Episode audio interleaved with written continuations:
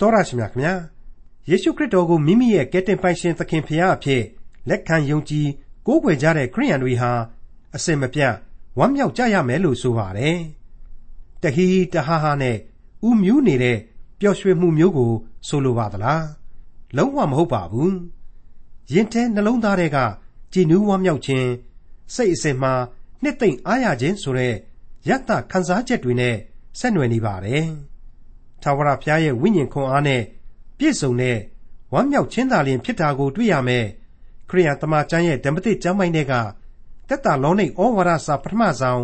အခန်းကြီး9အခန်းငယ်15ကနေအခန်းငယ်28အထိကို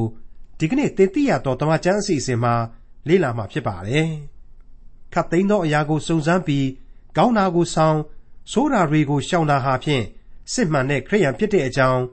တက်တာလောနိဩဝါဒစာပထမဆုံးအခန်းကြီး9အခန်းငယ်15ကနေအခန်းငယ်28အထိကိုဒေါက်တာထွန်းမြတ်အေးကအခုလိုရှင်းလင်းတင်ပြมาဖြစ်ပါတယ်။သင်သိရသောသမ္မာကျမ်းရဲ့မိတ်ဆွေတော်တတ်ရှင်အပေါင်းတို့ခမညာဒီကနေ့သင်ခန်းစာကတော့သက်သာလောနိဩဝါဒစာပထမစာဆောင်ရဲ့ဏိဂုံးသင်ခန်းစာဖြစ်မယ်ဆိုတာကိုကြိုတင်ဖော်ပြထားနှင်ခြင်းပါတယ်။တမန်တော်ကြီးရှင်ပေါလုရဲ့အမှုတော်ဆောင်တက်တန်းအတွင်းမှာပထမဦးဆုံးရေးခဲ့တဲ့သက်သာလောနိဩဝါဒ တနည်းအားဖြင့်တမန်တော်ကြီးရဲ့ငယ်လက်ရာလို့ပြောနိုင်တဲ့ဩဝါဒစာကြီးဟာဘလောက်အထိအဆင့်အတန်းမြင့်နေခန့်ထဲတယ်နဲ့ဆိုင်ခြင်းရှိတယ်ဆိုတာကိုတော့ကျွန်တော်အနေနဲ့အထူးကြော်ညာမောင်းခတ်နေစရာမလိုတော့ဘူးလို့ကျွန်တော်ထင်ပါတယ်ဟုတ်ပါတယ်ညစဉ်စက်တိုက်နားထောင်လာတဲ့လူတွေအဖို့လေဒီအချက်ကိုတော့တညီညွတ်သေးပဲခေါင်းညှိထောက်ခံကြမှာပဲလို့ကျွန်တော်ယုံကြည်မိပါတယ်မိတ်ဆွေအပေါင်းတို့တမန်တော်ကြီးရှင်ပေါလုဟာယုံကြည်ခြင်းချစ်ခြင်းမျှော်လင့်ခြင်းဆိုတဲ့ လူသားတို့မနှောတတ်နဲ့သားလျင်အများဆုံးခံစားထိတွေ့လို့ရတဲ့အရာနားလေခံယူနိုင်တဲ့အရာတွေကိုအလုတ်သဘောအဖြစ်နားလေနိုင်အောင်လို့ဒီဩဝါဒစာမှာစတင်ဖော်ပြပေးပြီးခဲ့တဲ့နောက်ယုံကြည်သူအသင်းတော်တို့ရဲ့မျှော်လင့်ရာဖြစ်တဲ့ခရစ်တော်ကြွလာတော်မူခြင်းအသင်းတော်ကိုသိသိပြီးတော့အဖဖခင်သခင်ရှေ့တော်မှောက်ကိုခရစ်တော်ကိုယ်တော်ကိုယ်တော်တိုင်ပို့ဆောင်တော်မူခြင်းဆိုတဲ့အလွန်အလွန်နည်းနည်းပြီးတော့အဆင့်မြင့်တဲ့ဗျာဒိတ်တို့အကြောင်းတွေကို အကျယ်တွင်ရှင်းလင်းပြီးခဲ့တာကိုကျွန်တော်တို့ကြားနာခဲ့ကြရပါတယ်။ဒါရီအဖြစ်၃ပတ်လောက်အတွင်းမှာယုံကြည်ခြင်းဖြစ်ပေါ်ပြီးတော့တိဆောက်ခဲ့ရတဲ့သက်သာလောနိအသင်းတော်ကလေးကိုအလွန်ကြီးမားတဲ့ဝိညာဉ်ရေးအစာသွတ်သွင်းပေးတယ်လို့ပဲဖြစ်လိမ့်မယ်ဆိုတာကိုစဉ်းစားဖို့ရန်လိုတဲ့အကြောင်းကျွန်တော်တင်ပြခဲ့ပါတယ်။အခုဏိဂုံးပိုင်းမှာကြတော့ယုံကြည်သူတို့အဖို့ကျေးဇူးနဲ့ဂရုနာတော်ကိုအမှုမဲ့အမှတ်မဲ့ခံယူခြင်းမဖြစ်ထိုက်ဘူး။လက်တွေ့ခံယူကျင့်သုံးအပ်တဲ့အချက်တွေရှိနေသေးတယ်ဆိုတဲ့အချက်နဲ့ လုပ်ငန်းလမ်းညွှန်ဘိုင်းကလေးများအဖြစ်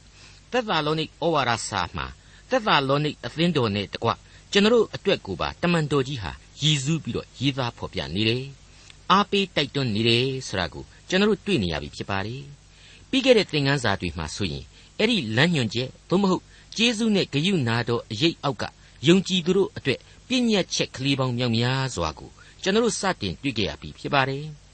ဒါကိုခြုံငုံမှတ်သားနိုင်ဖို့ရန်အတွက်သက်သာလောနိဩဝါဒစာပထမစာဆောင်အခန်းကြီး9ရဲ့အငယ်7ကနေ14အထိကိုပြန်ပြီးတော့ဖတ်ပြပါရစေ။ထို့ကြောင့်သင်တို့သည်ယခုပင်ပြုသည်မိတူအချင်းချင်းတိုက်တွန်း၍တယောက်ကိုတယောက်တိဆောက်ကြလော့။ထိုမှတပါညီအကိုတို့သင်တို့တွင်အမှုတော်ကိုဆောင်ရွက်ခြင်းသခင်ဖျားအခွင့်နှင့်အုပ်ဆိုးခြင်းသတိပေးခြင်းအမှုကိုပြုသောသူတို့ကိုသိမှတ်၍သူတို့ပြုသောအမှုကြောင့် မေတ္တာစိတ်နှင့်အလွန်ချစ်ခင်လေးမြတ်မည်အကြောင်းငါတို့သည်တောင်းပန်ကြ၏အချင်းချင်းအသင့်အတင့်နေကြလော့တဖန်တုံညီအကိုတို့မတရားစွာပြုသောသူတို့ကိုသတိပေးကြလော့စိတ်ငယ်သောသူတို့ကိုအားပေးကြလော့အားနည်းသောသူတို့ကိုထောက်မကြလော့ခတ်သိမ်းသောသူတို့အားရှည်သောစိတ်ရှိစေကြလော့တဲ့ဟုတ်ပါတယ်အလွန်အလွန်ကောင်းမွန်တဲ့ညွှန်ကြားချက်ငယ်ပေါင်း၉ချက်ကိုကျွန်တော်လေ့လာခဲ့ကြပြီဖြစ်ပါတယ် ဒီကနေ့ဒီချိန်မှာတော့နောက်ထပ်ဘာတွေကိုများဆက်လက်ပြီးတော့ညွှန်ကြားအောင်မယ်လုပ်ငန်းလမ်းညွှန်များအဖြစ်တမန်တော်ကြီးဖော်ပြအောင်မယ်ဆိုတာကိုအငယ်15နဲ့16တို့အားဖြင့်ဆက်လက်ပြီးတော့ကြည့်ကြပါအောင်စို့သူတစ်ပါး၌အဘယ်သူမျှရန်တုံမမှုစေခြင်းဟာတရိပ်ပြု၍အချင်းချင်းတို့၌၎င်းခတ်သိမ်းသောသူတို့၌၎င်းကာလအစဉ်ကြိုးစား၍ကျေးဇူးပြုကြလော့အစဉ်မပြတ်ဝမ်းမြောက်ခြင်းရှိကြလော့ရန်ကိုရန်ချင်းမတုံနှင်းနှင်းဆိုတဲ့အချက်နဲ့ ဆက်ဆက်ပေးလိုက်ပါတယ်အမှန်တကယ်သာကျွန်တော်တို့ဟာဘုရားသခင်ကိုကိုးစားယုံကြည်ကြတယ်အလိုတော်ကိုသာအမြဲတမ်းဝန်ခံနိုင်ကြမယ်ဆိုတဲ့အဆင့်အထိ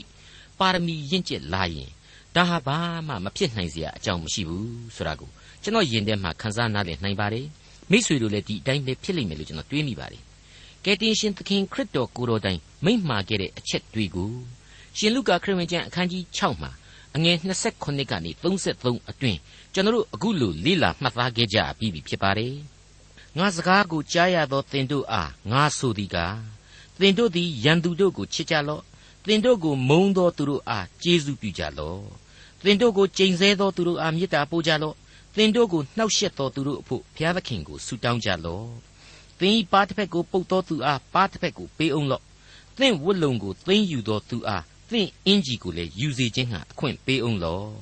အကျဉ်သူသည်သင်ကိုတောင်း၏ထိုသူအားပေးလော့သင်ဥစ္စာကိုသိမ်းယူသောသူအားပြန်၍မတောင်းနှင့်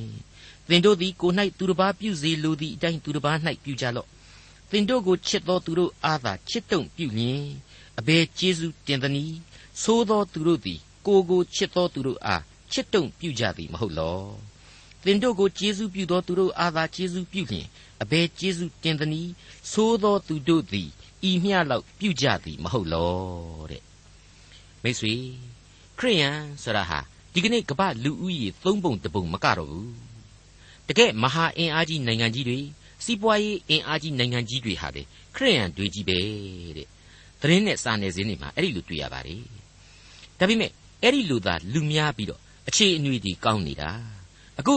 ခရစ်တော်ရဲ့မေတ္တာစိတ်မျိုးခရိယန်တွေမှာရှိနိုင်ကြရဲ့လားအဲ့ဒီမေတ္တာစိတ်မျိုးသာဒီခရိယန်တွေမွေးမြူနိုင်မယ်ဆိုရင်ခရိယန်တွေအများစုရှိနေပါတယ်ဆိုတဲ့ဒီကဘာကြီးအတွက်ဘလောက်များကောင်းလိမ့်မလဲကဘာကြီးကအခုလိုစိုးရိမ်ပွဲအခြေအနေဆိုးမျိုးဝန်းနေပွဲအခြေအနေဆိုးမျိုးမှာဖြစ်နေမှာမဟုတ်ဘူးဆိုတာဟာအသေးအချာပဲလို့ကျွန်တော်ကတော့တွေးမိပါတယ်အချင်းချင်းတို့၌၎င်းခတ်သိမ်းသောသူတို့၌၎င်းကာလအစဉ်ကြိုးစား၍ကျေးဇူးပြုကြလော့တဲ့ အချင်းချင်းဆိုတာဟာကိုယ်ယုံကြည်သူအချင်းချင်းဖြစ်တယ်ဒါပေမဲ့အဲ့ဒီလိုအချင်းချင်းကြီးကျေးဇူးပြုနေလို့တော့လည်းမပြီးဘူးခတ်သိမ်းသောသူတို့ကိုပါကျေးဇူးပြုရမှာဖြစ်တယ်ဆိုပြီးတော့ဖော်ပြလိုက်ပါတယ်ကျေးဇူးပြုနိုင်ဖို့ရန်အတွက်လေကာလအစဉ်ကြိုးစားအားထုတ်ရမှာဖြစ်ပါတယ်တဲ့အဲ့ဒီလိုကြိုးစား၍ဆိုတဲ့အချက်ကြောင့်ဒါဟာအားထုတ်ယူရတဲ့သဘောရှိတယ်ဆိုတာပေါ်လွင်နေတယ်သိပ်ပြီးတော့လွယ်လွယ်ကလေးနဲ့တော့ဒီစေတနာစိတ်ဆိုတာဟာဖြစ်ဖို့ ခက်ခဲလိမ့်မယ်ဆိုတာကိုဖော်ပြပေးလိုက်ပါတယ်လွယ်လွယ်ကူကူတိဆောက်လို့မရနိုင်တဲ့စိတ်မျိုးပေါ့မိတ်ဆွေအပေါင်းတို့ခရစ်တော်ကိုချစ်သူခရစ်တော်ကိုယုံကြည်သူဟာအတ္တအကျိုးတဲ့ပရဟိတကိုပို့ပြီးတော့ရှေ့ရှုသွားကြရမှာသာဖြစ်ပါတယ်အစင်မပြတ်ဝမ်းမြောက်ခြင်းရှိကြပါတဲ့တဟီဟီတဟာဟာနဲ့ဥမြူးနေတဲ့ happiness မျိုးမဟုတ်ဘူး rejoice evermore ဆိုပြီးတော့အင်္ဂလိပ်သမာကျမ်းစာကဖော်ပြပါတယ်ဓမ္မသစ်ကျမ်းတဲ့ကဝမ်းမြောက်ခြင်းဟာ အဲ့ဒီ rejoice ကိုပဲသုံးတာများပါတယ် joy ဆိုတဲ့နှလုံးသားအတွင်ကြည်နူးဝမ်းမြောက်ခြင်းစိတ်အစဉ်၌နှစ်သိမ့်အားရခြင်းဆိုတဲ့ရသခံစားချက်တို့နဲ့ဆက်နွယ်နေပါတယ်တနည်းအားဖြင့်ကတော့ဝိညာဉ်ခွန်အားနဲ့ပြည့်စုံသောဝမ်းမြောက်ခြင်းပဲဖြစ်ပါတယ်ဖိလိပ္ပိဩဝါဒစာအခန်းကြီး၄အရာအဲ့ဒီဝမ်းမြောက်ခြင်းဟာငြိမ်သက်ခြင်းကျေးဇူးတော်နဲ့တစ်ဆက်တစ်ဆက်တည်းတည်မီနေတယ်ဆိုတာကိုအခုလိုတွေ့နိုင်ပါတယ်ဖိလိပ္ပိဩဝါဒစာအခန်းကြီး၄အငယ်၄ကနေ9အထိမှာပြန်ပြီးတော့ကြည်ပါ သခင်ဖျား၌အစင်မပြတ်ဝမ်းမြောက်ခြင်းရှိကြလော့တဖန်ငါဆိုသည်ကဝမ်းမြောက်ကြလော့လူအပေါင်းတို့ရှိ၌သင်တို့၏ဖြင်းညင်းသောသဘောကိုထင်ရှားစေကြလော့သခင်ဖျားသည်အနီးအပါး၌ရှိတော်မူ၏အဘယ်အမှုကိုမျှစိုးရိမ်ခြင်းမရှိဘဲအရာရာ၌ကျေးဇူးတော်ကိုချီးမွမ်းခြင်းနှင့်တကွာဆုတောင်းပတနာပြုသောအားဖြင့်သင်တို့တောင်းပန်လိုသောအရာများတို့ကိုဖျားသခင်အားကြားလျှောက်ကြလော့ထို့သောပြုလျင်အဘယ်သူမျှကြံ၍မမိနိုင်သောဖျားသခင်၏ညီသက်ခြင်းသည် ယေရှုခရစ်အားဖြင့်သင်တို့၏စိတ်နှလုံးတို့ကိုစောင့်မလိမ့်မည်တဲ့မိတ်ဆွေတို့တတ်ရှင်အပေါင်းတို့ခမညာ rejoice ဆိုတဲ့ဝမ်းမြောက်ခြင်းဟာနှလုံးသားစိတ်အစဉ်မှာဝိညာဉ်တော်အားဖြင့်ခံစားရတယ်ဆိုကြတဲ့ကရိုးရိုးတနံအပေါင်းအသင်းတွေနဲ့ကျွန်တော်ဆောင်းကပြောခဲ့တယ်လို့တဟီတဟာဟာပျော်ပြီးတော့ဝမ်းမြောက်ရတာမျိုးမဟုတ်ဘူးအဲ့ဒါမျိုးနဲ့မတူဘူးဘုရားသခင်ကိုမမေ့မလျော့တဲ့ဝမ်းမြောက်ခြင်းဖြစ်တယ်ဘုရားသခင်အားဖြင့်ခံစားရသောမဟာကျေးဇူးတော်လို့လည်းပြောခြင်းပြောနိုင်တယ် ဒီဝမ်းမြောက်ခြင်းကြောင့်ကျေးဇူးတော်ကိုချီးမွမ်းပြီးတော့ဆုတောင်းခြင်းဝတ်ကိုပါပြုရပါတယ်ဆိုတဲ့တမန်တော်ကြီးရဲ့ဝန်ခံချက်ကိုလေဖိလိပ္ပိဩဝါဒစာအခန်းကြီး1အငယ်3ကနေ6အတွင်းမှာအခုလိုကျွန်တော်တို့တွေ့ကြရပါသေးတယ်။ငါသည်ဆုတောင်းပတနာပြုသောအခါကဝမ်းမြောက်သောစိတ်နှင့်သင်တို့ရှိသမျှအဖို့ကိုအစဉ်ဆုတောင်းပတနာပြုလျက်သင်တို့ကိုအောက်မေ့သောအခါက သင်တို့သည်ရှေးဥစွာသောနေ့ရက်မှစ၍ယခုတိုင်အောင်ဧဝံဂေလိတရားကိုဆက်ဆံ၍ခန်းစားကြောင်းကိုငါထောက်သဖြင့်ဘုရားသခင်ကျေးဇူးတော်ကိုချီးမွမ်းပါ၏သင်တို့တွင်ကောင်းသောအမှုကိုပြုစပြုတော်မူသောသူသည်ယေရှုခရစ်၏နေ့ရက်တိုင်အောင်ပြည်စည်းလျက်ပြုတော်မူမည်ဟုငါသဘောကျ၏တဲ့ဟုတ်ပါတယ်မိတ်ဆွေအခုသက်သာလောနိဩဝါဒစာပထမစာဆောင်အခန်းကြီး9အငယ်16နဲ့18ဟာဒါကိုပဲဆက်ပြီးတော့ညွှန်ကြားလိုက်ပြန်ပါတယ် မချားမလတ်ဆုတောင်းပတနာပြုကြလော့အရာရာ၌ကျေးဇူးတော်ကိုချီးမွမ်းကြလော့အကြောင်းမူကားသင်တို့သည် ထိုသို့ကျင့်စေခြင်းဟာယေရှုခရစ်၌ဖျားသခင်အလိုတော်ရှိ၏တဲ့တမန်တော်ကြီးရှင်ပေါလုရဲ့ကျင့်စဉ်တွေအကုန်လုံးဟာပြန်ပြီးတော့ဆက်ဆက်မှုရှိလာပါတယ်ဝမ်းမြောက်ခြင်းကြောင့်ဆုလဲတောင်းရမယ်ကျေးဇူးတော်လည်းချီးမွမ်းရမယ်ဒါဟာလေခရစ်တော်၌အမိပြု၍ကျင့်အပ်သောအကျင့်များအဖြစ်ဘုရားသခင်အလိုတော်ရှိသောအရာတွေပဲ တဲ့ကဲခရစ်တော်အားဖြင့်သာဝမ်းမြောက်ဖွယ်ဧဝံဂေလိတရားလို့ခေါ်တဲ့အသက်တရားဟာတည်ရှိလာရတယ်ဆိုတာဟာရှင်းနေပြီမဟုတ်ဘူးလားဟုတ်ပါတယ်မိတ်ဆွေပြည့်ညတ်တရားတွေကိုကျင့်သုံးတဲ့ကာလမှာအခုလိုခရစ်တော်အားဖြင့်ဝမ်းမြောက်ခြင်းမှအစကျေးဇူးတော်ကိုချီးမွမ်းခြင်းဆုတောင်းခြင်းတွေဟာအသက်ပါပါဆက်ဆက်တည်မိခြင်းမရှိခဲ့ပါဘူးအရာရာတို့ဟာတင်းကျပ်တဲ့စီကံကလနာတွေအောက်မှာအသက်ရှူကြက်ခမန်းရှိခဲ့ပါတယ် အမားတွေကိုကိုဖြစ်ကိုခံရတယ်ဆိုတဲ့ဥပရိသတို့ရဲ့သဘောတရားအတိုင်းပဲလူသားတို့ဟာရှင်သန်ရတယ်ဥပရိများအရာရစ်ကောင်တွေနဲ့ပူဇော်ရခြင်းမှပင်လျင်အခြေခံယုံကြည်ခြင်းတရားကိုလူသားတို့မထိမတွေ့မခံစားရဘဲနဲ့အပေးအယူလုပ်ရတဲ့သဘောသက်ဝင်ခဲ့တယ်အခုကယ်တင်ရှင်သခင်ခရစ်တော်အားဖြင့်ပေးဆဲလာတဲ့ကယ်တင်ခြင်းတရားရဲ့အောက်မှာကတော့လူသားအပေါင်းတို့ဟာကိုယ့်ရဲ့အပြစ်တရားများအတွက်နောင်တနဲ့ကြိုးပဲ့ကြေမွာခြင်းစိတ်အစဉ်များနဲ့ ခရစ်တော်ရှိကိုသွားရောက်တိုးဝင်ချင်းကပ်ရမယ်ဆိုတဲ့အလွန်အခြေခံကြလာတဲ့အချက်နဲ့အတူဝမ်းမြောက်ခြင်းနဲ့ညီသက်ခြင်းအခွင့်ကိုခံစားရမယ်ပြီးနောက်မှာတော့ခံစားရတဲ့ခံစားရတဲ့ကျေးဇူးတော်ကိုချီးမွမ်းဆုတောင်းခြင်းဝတ္ထုနှင့်အသက်တာကိုရှင်သန်သွားဖို့သာရှိပါတယ်ဘလောက်ကောင်းတဲ့မြင့်မြတ်တဲ့လမ်းကြောင်းလေမချမလက်ဆူတောင်းတယ်ဆိုတာဟာတစ်ချိန်လုံးပဲဖျားရှိခိုးကြောင်းတဲ့မှာပဲထိုင်ပြီးတော့ငုတ်တုတ်ထိုင်ပြီးတော့ဆူတောင်းနေတာကိုကျွန်တော်တို့မဆိုလိုပါဘူးနော် ခရစ်တော်ချထားပြီးတဲ့တန်ရှင်းသောဝိညာဉ်တော်နဲ့အတူကိုလှုပ်ဆောင်ရာအလုပ်မှန်သာ၍မှာအချိန်ကာလအလုံးစုံကိုခရစ်တော်၌အနှံထားခြင်းတန်ရှင်းသောဝိညာဉ်တော်ကိုအစဉ်အမြဲယင်ဝယ်ပိုက်ထားခြင်းခရစ်တော်ဤတန်ရှင်းသောဝိညာဉ်တော်အားဖြင့်ဖျားသခင်နဲ့မပြတ်အစဉ်ဆက်သွယ်ထားခြင်းပဲဖြစ်ပါလေအဲ့ဒီအတိုင်းပါပဲအရာရာ၌ကျေးဇူးတော်ချီးမွမ်းရမယ်ဆရာဟာကိုဟာအနန္တကာလကိုအသက်ဆက်ရမယ်ဝိညာဏလူသားဖြစ်နေပြီဖြစ်တဲ့အတွက်ကြောင့်ကျေးဇူးတော်ဟာအလွန်ကြီးတယ် ဘုရားသခင်ပေးတဲ့အခုလောကအသက်နဲ့တစ်ဆက်တစ်ဆက်တည်းကောင်းကင်ဘုံကိုကိုဟာခြေလှမ်းပြုတ်ရမယ်လူသားသာဖြစ်တယ်ဆိုတာကိုနားလေသူတိုင်းပြုတ်အပ်တဲ့ဝတ္တရားပဲဖြစ်ပါတယ်မိတ်ဆွေအပေါင်းတို့ဆာလံတီးခြင်းများရဲ့ဏိဂုံးဆာလံတီးခြင်းကိုမိတ်ဆွေတို့မမေ့ကြပါနဲ့နော်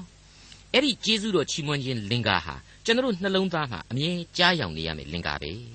ဟာလေလုယတေးသံတစ်ခုပဲလို့ကျွန်တော်အလေးနဲ့ခံယူမိပါတယ် အဲ့ဒီ150ခုမြောက်သောဆာလံသို့မဟုတ်ဆာလံတီခြင်းတဲကနောက်ဆုံးသောဆာလံတီခြင်းဟာအခုလိုဖြစ်ခဲ့ပါတယ်တန်ရှင်းသောဌာနတော်၌ဖျားသခင်ကိုချီးမွမ်းကြလော့ဘုံတော်ထင်ရှားရာကောင်းကင်မျက်နှာချက်ပေါ်မှချီးမွမ်းကြလော့ထူးဆန်းသောတကူတော်များကြောင့်ဖျားသခင်ကိုချီးမွမ်းကြလော့အလွန်တရာကြီးမြတ်တော်မူခြင်းရှိသည့်အတိုင်းချီးမွမ်းကြလော့တဘိုးမှုတ်လျက်ဘုရားသခင်ကိုချီးမွမ်းကြလော့တယောနှင့်စောင်းကိုတီးလျက်ချီးမွမ်းကြလော့ပတ်သာတီးလျက် ကခုံလျက်နှင့်ချီးမွမ်းကြလော့ကျိုးနှင့်ပြည့်စုံသောတူရိယာကိုတီးလျက်နှဲခရာကိုမှုတ်လျက်ချီးမွမ်းကြလော့အပန်ကျဲသောတန်လွင်ကိုတီးလျက်ချီးမွမ်းကြလော့အကြီးဆုံးသောလင်ကွင်ကိုလည်းတီးလျက်ချီးမွမ်းကြလော့အသက်ရှိသောသူအပေါင်းတို့သည်ထာဝရဘုရားကိုချီးမွမ်းကြစေဟာလေလုယာမိတ်ဆွေကျေးဇူးတော်ကြောင့်သာဖြစ်တည်လာရတဲ့ကိုယ့်ရဲ့ဘဝကျေးဇူးတော်ကြောင့်သာလျှင်ထာဝရအသက်ကိုခံယူရတဲ့ကိုယ့်ရဲ့ဘဝဟာ ကျေးဇူးတော်မချီးမွမ်းနိုင်တဲ့ကာလပတ်လုံးကျေးဇူးလက်လွတ်ရှင်သန်နေတဲ့ကျေးဇူးသူလူသားဘဝသာဖြစ်နေရလိမ့်မယ်လို့ကျွန်တော်တင်ပြလိုက်ပါတယ်။သက်သာလောနိဩဝါဒစာပထမစာဆောင်အခန်းကြီး9အငယ်19ဝိညာဉ်တော်ဤအရှိန်ကိုမငြိမ်းစေကြနှင့်ဝိညာဉ်တော်ဆိုတာကိုမီးနဲ့မကြာခဏကျွန်တော်တို့နှိုင်းဆဖော်ပြကြရပါတယ်ဟုတ်ပါတယ်နှုတ်ကပတ်တော်ဟာဝိညာဉ်တော်မီးဆိုပြီးတော့အကြိမ်ကြိမ်ဖော်ညွှန်းခဲ့လို့ပဲဖြစ်ပါတယ်အခုအချိန်မှာတော့ အဲ့ဒီဝိညာဉ်တော်မီးအလင်းကိုမငြိမ့်စေနဲ့တဲ့မီးအရှိန်ကိုမငြိမ့်စေကြနှင့်တဲ့ဒီဝိညာဉ်တော်ဆိုတာဟာဘယ်ကလာသလဲခရစ်တော်ကိုစားခရစ်တော်ကိုတော်တိုင်ချထားပေးခဲ့တဲ့အရာပဲအကယ်၍သာဖြစ်နိုင်လို့ရုပ်လုံးဖော်မယ်ဆိုရင်ဘုရားသခင်ရဲ့အရှိန်အဝါနဲ့ပြည့်စုံတဲ့ရုပ်တရက်တစ်ခုဖြစ်လာလိမ့်မယ်ခရစ်တော်ရဲ့ခန္ဓာတော်အဖြစ်ပေါ်ထွန်းလာလိမ့်မယ်အခုအချိန်မှဆိုရင်အဲ့ဒီလောက်အထိကျွန်တော်တို့အနားမှာရှိနေတဲ့သခင်အရှိန်ကိုမငြိမ့်ပါစေနှင့်လို့ဆိုထားပါလား အဲ့ဒီကလေးကကျွန်တော်တို့အပြစ်လူသားဟာအပြစ်တွေအားဖြင့်သခင်ခရစ်တော်နဲ့သူ့ရဲ့လမ်းပြတော်မူခြင်းသူ့ရဲ့တန်ရှင်းသောဝိညာဉ်တော်ကိုနှင်ထုတ်ပြစ်နိုင်တယ်ဆိုတာတွေ့လာရပါတယ်သခင်ရဲ့တန်ရှင်းသောဝိညာဉ်တော်ကိုကျွန်တော်တို့ဟာဂျေဇုကံခြင်းအပြင်နှင်ထုတ်နိုင်တယ်အရှိန်သေးစေနိုင်တယ်ဆိုတာကိုတွေ့လာရပါတယ်ဟုတ်ပါတယ်မဆမ်းပါဘူးအေဖက်ဩဝါဒစာအခန်းကြီး၄အငယ်29ကနေ32အတွင်မှာပြန်ပြီးတော့ကြည်နိုင်ပါတယ်ညဉ့်ညူးသောစကားတခွန်းကိုမျှ သင်တို့နှုတ်ထဲကမထွက်စေနှင့်ကြားနာသောသူတို့၏အကျိုးကိုပြုစုစေခြင်းဟာတိဆောက်เสียဖို့ကောင်းသောစကားကိုသာသုံးဆောင်ကြလော့ရွေးနှုတ်ခြင်းနေ့ရဲ့တိုင်အောင်သင်တို့ကိုတစိ့ခတ်သောတစိ့ခတ်တော်မူသောဘုရားသခင်၏တန်ရှင်းသောဝိညာဉ်တော်ကိုစိတ်မနာစေကြနှင့်ခတ်သိမ်းသောစိတ်တူခြင်းစိတ်ဆိုးခြင်းအမျက်ထွက်ခြင်းအော်ဟစ်ငေါက်ငေါ်ခြင်းသူ့အတရီပြက်အောင်ပြောဆိုခြင်းတို့ကို၎င်းခတ်သိမ်းသောမနာလိုခြင်းကို၎င်းသင်တို့မှပယ်ရှားကြလော့ အချင်းချင်းကျေးဇူးပြုခြင်းတနာဆုံမဲ့ခြင်းဖျားသခင်သည်ခရစ်တော်ကြောင့်သင်တို့၏အပြစ်ကိုလွတ်တော်မူတဲ့ကဲ့သို့အချင်းချင်းအပြစ်လွတ်ခြင်းရှိကြလော့တဲ့ရှင်းနေပါလေတန်ရှင်းသောဝိညာဉ်တော်ဟာအသက်ဝိညာဉ်ပဲအသက်ဝိညာဉ်ဖြစ်တဲ့အတွက်ကြောင့်အသက်လမ်းကိုစောင့်တယ်အသက်ကိုလည်းပေးပိုင်တယ်တစ်ချိန်တည်းမှာစိတ်နာနိုင်တယ်ဆိုတာဒီနေရာမှာသိနိုင်ပါလေအဲ့ဒီအတိုင်းပါပဲအလင်းတရားရှိတဲ့အရာအရှိန်ရှိတဲ့အရာမို့လို့အရှိန်သေးနိုင်တာလည်းဖြစ်နိုင်တယ် အလင်းပြောက်သွားတာလည်းဖြစ်နိုင်တယ်ဘာဖြစ်လဲဆိုတော့အလင်းလည်းရှိတယ်အရှိန်လည်းရှိနေတယ်မဟုတ်ဘူးလားရှိနေတယ်ဆိုရင်ဘာဖြစ်လို့မပြောင်းနိုင်ရမှာတုံး तू ကတကိုးမရှိလို့အရှင်းမဟုတ်ဘူးကျွန်တော်ရဲ့အပြစ်ဒုစရိုက်များနဲ့ဆန့်ကျင်မှုကြောင့်ပဲဆိုတာကိုကျွန်တော်ဒီနေရာမှာအခိုင်အမာခံယူထားဖို့လိုပါတယ်သက်သာလောနိဩဝါဒစာပထမစာဆောင်အခန်းကြီး9အငယ်20ပရောဖက်ပြုခြင်းကိုမထီမဲ့မြင်မမှတ်ကြနှင့်စောစောကဝိညာဉ်တော်အရှိန်ကိုမငြိမ့်စေနှင့် ဝိညာဉ်တော်ကိုစိတ်မနာစေနှင့်ဆိုတဲ့အချက်တွေးဟာခရစ်တော်ကိုစိတ်နာစေတာခရစ်တော်ကိုညှင်းပယ်တာနဲ့အတူတူပဲဆိုတာကိုကျွန်တော်ခံယူနိုင်ဖို့ဖော်ပြခဲ့ပြီးဖြစ်ပါတယ်အခုပရောဖက်ပြုခြင်းကိုမထီမဲ့မြင်မမှတ်ကြနှင့်ဆိုတာဟာလေဒီအတိုင်းပဲခရစ်တော်ရဲ့စကားသံများကိုနားထောင်ပါဆိုတဲ့အချက်နှုတ်ကပတ်တော်အတိုင်းကြိုးစားလိုက်နာပါဆိုတဲ့အချက်ကိုဖော်ပြလိုက်ခြင်းနဲ့အတူတူပါပဲသောတာရှင်မိတ်ဆွေအပေါင်းတို့ဝိညာဉ်တော်အရှိန်ကိုငြိမ့်စေတာ ပရောဖက်ပြုခြင်းကိုမထီမဲ့မြင်ပြုကြတာတွေကိုသိပ္ပံအသီးအပွင့်ထွန်းကားတိုးတက်တာနဲ့အမျှပို့ပြီးတော့တွေ့လာရတယ်လို့ကျွန်တော်ဆွဆွဲခြင်းပါတယ်ရုပ်လောကရဲ့တိုးတက်မှုတွေကြားမှာနှမြုံနေကြပြီးတော့ဘုရားသခင်ကိုသဘောလောက်ပဲကိုယ်ွယ်ကျမ်းစာကိုမဖတ်စိတ်လဲမဝင်စားတော့တာနဲ့ပဲအရာရာမှာရုပ်ပိုင်းဆိုင်ရာကိုပဲလူသားဟာစိတ်ဆွဲနေခြင်းအပြင်ဝိညာဉ်တော်အရှိန်ကိုငြိမ့်စေကြပြီလို့ကျွန်တော်တွေးပါတယ် နှုတ်ကပတ်တော်ကိုမထီမဲ့မြင်ပြုခြင်းပဲလို့ကျွန်တော်ဒီအပိုင်းမှာသုံးသပ်မိပါတယ်အဲ့ဒီလိုဝိညာဉ်အားနည်းချက်တွေကြောင့်လေခရိယန်တွေအများစုရှိနေတဲ့လူအဖွဲ့အစည်းဟာစောစောတုန်းကကျွန်တော်ဖော်ပြခဲ့တဲ့အတိုင်းဝန်းနေပွေပြတ်သုံးမှုတွေအနှုတ်လက္ခဏာတွေပြသနေခြင်းပဲလို့လေဆက်လက်အဖြေထုတ်လိုက်ပါရစေသက်သာလုံးនៃဩဝါဒစာပထမစာဆောင်အခန်းကြီး9အငယ်21နဲ့22ခသိန်းသောအရာကိုစုံစမ်း၍ကောင်းသောအရာကိုအမြဲကင်ဆွဲကြလော့ မကောင်းသောအမှုအမျိုးမျိုးရှိသမျှကိုရှောင်ကြလော့မိတ်ဆွေဖျားသခင်ကိုယုံကြည်ကိုးကွယ်မှုဆိုတာဟာလူအချင်းချင်းများလို့စောင့်ကြည့်အကဲခတ်ပြီးမှစိတ်တိုင်းကြမှပေါင်းတင်ဆက်ဆံရတာမျိုးမဟုတ်ဘူးကို့အဖဖြစ်တဲ့ဖျားကိုတငယ်ချင်းများရှာတယ်လို့သဘောမထားရဘူးအကျွင်းမဲ့ဥညွတ်ပြတ်ဝတ်ပြီးတော့သာကိုးကွယ်ယုံကြည် ဒီတော့မှတနေ့တခြားဘုရားသခင်ရဲ့ကျေးဇူးနဲ့ဂရုနာတော်တွေကိုကိုဟာပို၍ပို၍နားလေလာရလိမ့်မယ်ဆိုတာကိုကျွန်တော်အထက်ထပ်ဖော်ပြခဲ့ပြီးဖြစ်ပါတယ်အခုခတ်သိမ်းသောအရာကိုစုံစမ်းဆိုတာဟာဘုရားသခင်ကိုစုံစမ်းခိုင်းတာအရှင်းမဟုတ်ဘူးကိုယ့်ရဲ့ဘဝအသက်တာမှာပတ်ဝန်းကျင်အခြေအနေများနဲ့မကင်းမကွာစီနဲ့မျက်စိကိုဖွင့်နားကိုဆွင်အကောင်းနဲ့အဆိုးတို့ဒွန်တွဲနေတဲ့လောကအသက်တာမှာကောင်းကျိုးရှေ့ရှုကောင်းအောင်ကြိုးစားပြီးပြုကြဆိုတဲ့အဓိပ္ပာယ်ဖြစ်ပါတယ် သက်သာလောနိဩဝါဒစာပထမစာဆောင်အခန်းကြီး9အငယ်23နဲ့24ငြိမ်သက်ခြင်းအရှင်ဘုရားသခင်ကိုတော်တိုင်လေသင်တို့ကိုအကုန်အစင်တန့်ရှင်းတော်မူပါစေသောငါတို့သခင်ယေရှုခရစ်ကြွလာတော်မူသောအခါသင်တို့၏ကိုယ်ခန္ဓာစိတ်ဝိညာဉ်အပေါင်းတို့ကိုအပြစ်တင်ကွင်းနှင့်ကင်းလွတ်စေခြင်းဟာစောင့်မတော်မူပါစေသောသင်တို့ကိုခေါ်တော်မူသောသူသည်တစ္ဆာနှင့်ပြည့်စုံသည်ဖြစ်၍ထိုသို့ပြုတော်မူလိမ့်မည် မိတ်ဆွေအပေါင်းတို့ခမညာလူသားဟာလေကိုယ်ခန္ဓာစိတ်ဝိညာဉ်ဆိုတဲ့သုံးပါးပေါင်းစပ်တည်အပ်သောတတ္တဝါပဲဆိုတာကိုဒီအပိုင်းမှာရှင်းရှင်းကလေးမြင်တွေ့နိုင်ပါတယ်အဲ့ဒီသုံးပါးစလုံးကိုတန်ရှင်းစေဖို့နဲ့အပြစ်တင်ခြင်းအစဉ်ကင်းလွတ်စေဖို့ငြိမ်သက်ခြင်း၏အရှင်ဟာသင်တို့ကိုကိုတော်တိုင်တန်ရှင်းစင်ကြယ်စေတော်မူပါဆိုပြီးတော့ငါဆုတောင်းပေးလိုက်ပါတယ်လို့တမန်တော်ကြီးဖော်ပြပေးလိုက်ပါတယ်ဒီဆုကိုတမန်တော်ကြီးဟာအခန်းကြီး3 အငယ်7မှာကလေးကတခါဆုတောင်းပေးခဲ့သေးတာကိုမိษွေတို့သတိရကြပါစားထိုသခင်သည်မိမိတန်ရှင်းသူအပေါင်းတို့နှင့်ကြွလာတော်မူသောအခါငါတို့အဖကြီးဟုသောဘုရားသခင်ရှေ့မှအပြစ်တင်ခွင့်နှင့်ကင်းလွတ်သောသင်တို့၏စိတ်နှလုံးကိုကိုတော်သည်တန်ရှင်းခြင်းပါရမီ၌မြဲမြံခိုင်ခံ့စိမ့်သောငါငါတို့သည်သင်တို့ကိုချစ်တဲ့ကဲ့သို့သင်တို့သည်အချင်းချင်းကို၎င်းသူတစ်ပါးအပေါင်းတို့ကို၎င်းချစ်၍ချစ်ချင်းမေတ္တာနှင့်အထူးသဖြင့် ကြွယ်ဝပြည့်စုံမည်အကြောင်းသခင်ဖျားပြုတော်မူပါစေသောတဲ့အဲ့ဒီအခန်းကြီး3တုန်းကဖော်ပြခဲ့တဲ့ထိုသခင်သည်ကြွလာတော်မူခြင်းဆရာဟာအသင်းတော်ကိုသိမ့်စီပြီးတော့ကိုတော်တိုင်ဟာဘုရားသခင်စီကိုအသင်းတော်ကိုပို့ဆောင်တော်မူခြင်းကိုဖော်ပြတာဖြစ်တယ်လို့အခုကြွလာတော်မူခြင်းဟာလေဒီအချက်ကိုပဲဥတီဖော်ပြနေခြင်းလို့ကျွန်တော်ခံယူပါတယ်ဒါကိုပို့ပြီးတော့ရှင်းစီမယ့်အချက်ကတော့သင်တို့ကိုခေါ်တော်မူသောသူသည်သစ္စာနှင့်ပြည့်စုံသည်ဖြစ်၍ ထိုသို့ပြုတော်မူလိမ့်မည်ဆိုတဲ့ရှင်းလင်းချက်ကြောင့်ပဲဖြစ်ပါတယ်ခင်ဗျာဟုတ်ပါတယ်မိတ်ဆွေဘုရားသခင်ရဲ့တစ္ဆာတော်ဟာလူသားအပေါ်မှာဘလောက်ပြီးဘလောက်ကြီးမြတ်တော်မူတယ်ဆိုတဲ့အချက်ကိုဆာလံဆရာဒါဝိမင်းကြီးဟာအခုလိုဖော်ပြခဲ့ပါသေးတယ်89ခုမြောက်သောဆာလံအငယ်1နဲ့2မှာကြည်ပါအကျွန်ုပ်သည်ထာဝရဘုရား၏ဂိယူနာတော်ကိုအစဉ်အမြဲတည်ခြင်းဆိုပါမည်ကိုရောဤသစ္စာကိုလူမျိုးအဆက်ဆက်တို့အားဟောပြောမွဲ့ဆိုပါမည်ဂိယူနာတော်သည်အစဉ်အမြဲတည်ရပါ၏ သစ္စာတော်ကိုကောင်းကင်၌ခိုင်ကန့်မြဲမြံစေတော်မူသည်ဟုအကျွန်ုပ်သဘောကျပါ၏တဲ့အဲ့ဒီအတိုင်းပါပဲ61ခုမြောက်သောဆာလံရဲ့အငယ်3ကနေ6အတွင်းမှာကြည့်ကြပါဦးအကယ်စင်စစ်မုတ်ဆိုးဤကြော်ကွင်းနှင့်၎င်းသေရသောအနာနှင့်၎င်းသင်ကိုကင်းလွတ်စေတော်မူမည်အတောင်တော်အမွေးနှင့်ဖုံးအုပ်တော်မူ၍အတောင်တော်အောက်၌သင်သည်လုံခြုံစွာနေရလိမ့်မည်သစ္စာတော်သည်သင်၏ဒိုင်းလွှားဖြစ်လိမ့်မည်ညအခါဖြစ်တတ်သောဘေးကို၎င်း နေ့အချိန်၌ပြစ်သောမြားကို၎င်းမှောင်မိုက်ထဲမှလေရသောကာလနာကို၎င်းမွန်းတဲ့အချိန်၌ဖြစ်စည်းတတ်သောဥပတ်ကို၎င်းသင်သည်မကြောက်ရ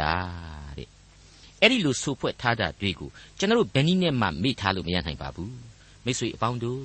သစ္စာတရားရဲ့အရှင်သခင်ဖြစ်တော်မူတဲ့ဘုရားသခင်ကယ်တင်ရှင်ယေရှုကိုပြုတော်မူသောယေရှုခရစ်ရဲ့တက်ဆွန့်မေတ္တာနဲ့တကွာ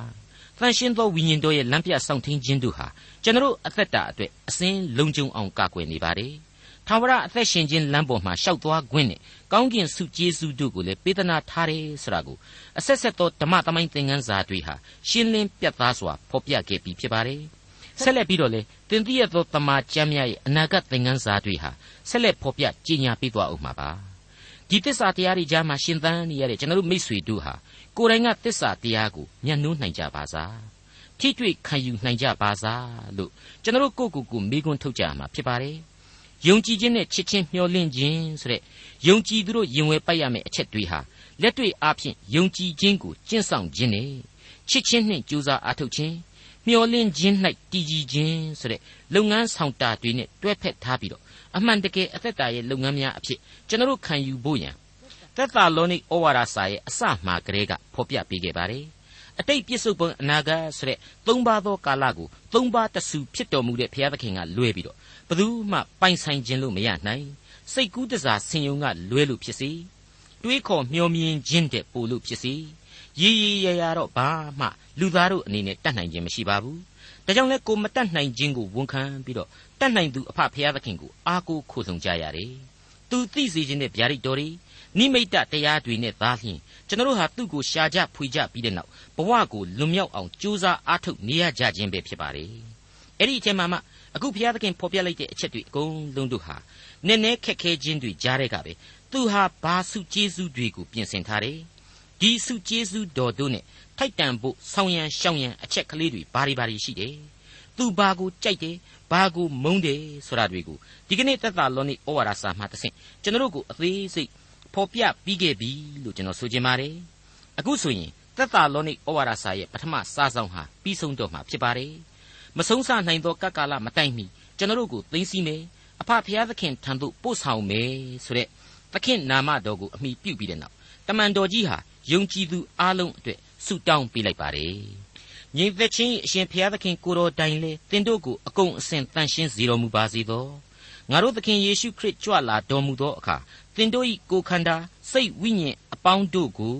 အပြစ်တင်ခွင့်နှင့်ကင်းလွတ်စေခြင်းဟာစောင့်မတော်မူပါစေသောတဲ့မိတ်ဆွေဆုတောင်းခြင်းအရာမှာဘယ်သောအခါမှအာမလျော့တတ်တဲ့တမန်တော်ကြီးဟာသူ့အတွက်လဲဆုတောင်းပေးကြပါဆိုပြီးတော့အခုလိုဆက်လက်ဖော်ပြပေးလိုက်ပါတယ်အငယ်25ညီအကိုတို့ငါတို့အဖို့ဆုတောင်းကြလောတဲ့တက်သာလောနိဩဝါဒစာပထမစာဆောင်အခန်းကြီး9 အငယ်26နဲ့28ညီအကိုအပေါင်းတို့ကိုတန်ရှင်းသောနန်းချင်းနှင့်နှုတ်ဆက်ကြလော့ဤစာကိုတန်ရှင်းသောညီအကိုအပေါင်းတို့အားဖတ်စီခြင်းဟာသခင်ဖျားကိုတိုင်တည်၍ငါသည်သင်တို့ကိုဒိဋ္ဌံတစ္ဆာပေး၏တန်ရှင်းသောနန်းချင်းနဲ့နှုတ်ဆက်ခိုင်းပါတယ်အစိတ်ပြင်းထန်လှတဲ့ယူရရှကာရုပ်ရဲ့အနမ်းမျိုးနဲ့အရှင်းမတူပါဘူး